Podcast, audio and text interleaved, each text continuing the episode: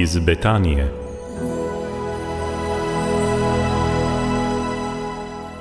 Dr. Borut Škodlar je z nami, zdravnik, psihiater. Pogovarjamo se o tem, kako v nastalih razmerah nekaj storiti za svoje zdravje, za psihično stabilnost. Uh, imate kakšen predlog, dr. Borut Škodlar, kaj je modro narediti zase? Ja, predvsem je pomemben in modro, če tako rečemo, da se, da se srečamo s tem, kako je eh, in kaj nas preganja, kaj nas uh, nervira, kaj nas naredi napete, da vse ukvirno to ugotovimo, pa, pa zaznamo in da to skomuniciramo tudi z najbližjimi. To je dobro to. tudi sicer, ne, ne samo v času epidemije. Ne?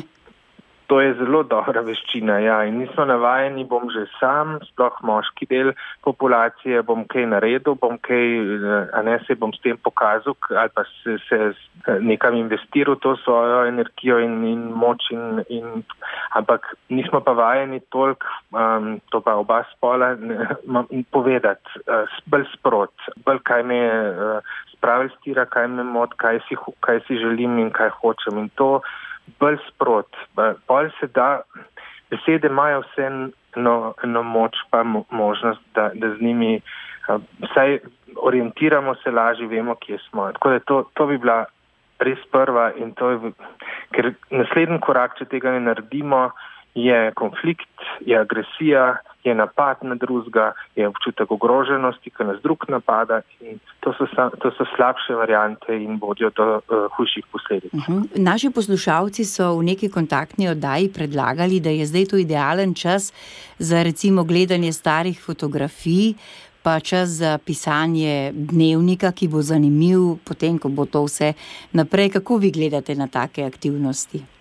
To so lahko uh, dobre aktivnosti. Predvsem v luči tega, da smo zdaj le bombardirani iz, s tem, da, da je nevarnost, um, da, so, da bodo posledice um, najprej za zdravje, potem za gospodarstvo oziroma za naše materialno preživetje. Skratka, je veliko skrbi in veliko sprotnih tudi um, impulzov, držljajev, da bi nekaj probali skrbeti, urejati um, in tako tako. In pozabljamo v tej, tej preplavitvi na tiste zelo pomembne globlje, če tako rečemo, um, vrednote, um, pomene, smisle, ki jih imamo v življenju. In recimo, da se spomnimo na koga, ki ga imamo radi, ki se ga ga pokličemo, je ena možnost, ki je lahko dvojno dobra sebe in drugmu nekaj dobrega naredimo. To, da gremo z družinskimi člani, pa gledamo stare fotografije, se spomnim, obujamo spomine na kakšne dogodke ali si kaj eh, zapišemo od takrat, je pa tudi tako, ker se spomnimo enega življenja, ki teče, ne glede na to, da pridejo in minejo krize, spomnice teh globljih ravni našega doživljanja, ki so zelo pomembne in bodo ostale tudi, ko bo kriza minila je pomirajoče, razbremenjujoče, pa še povezuje ljudi med sabo. Doktor Boruč Kodla, rekli ste, da če gledamo vse čas ta poročila in sledimo te podatke, po možnosti še menjamo kanale in samo preštevamo žrtve, nekako pademo v to stanje nekega nenormalnega časa. Kako lahko tak občutek tega, da je vse nekaj izredno, poškoduje, zaznamuje?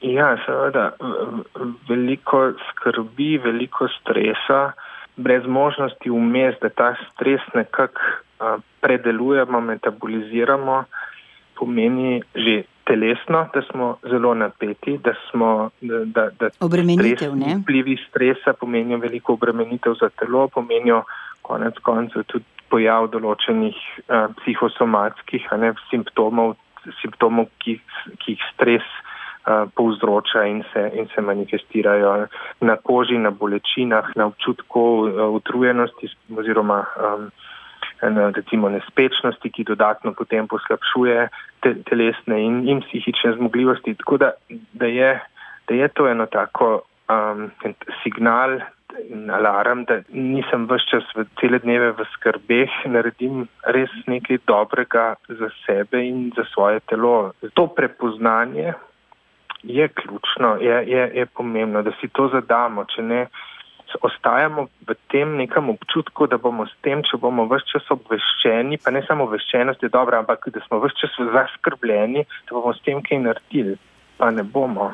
Če doma smo živčni, napeti, eh, tesnobni eh, in še s telesnimi simptomi, ne bomo nič bolj, oziroma bomo manj lahko naredili za nekaj dobrega oziroma razreševanje te, eh, teh situacij. To je nekaj, kar si rabimo tudi kognitivno, tudi razumsko reči in postaviti meje.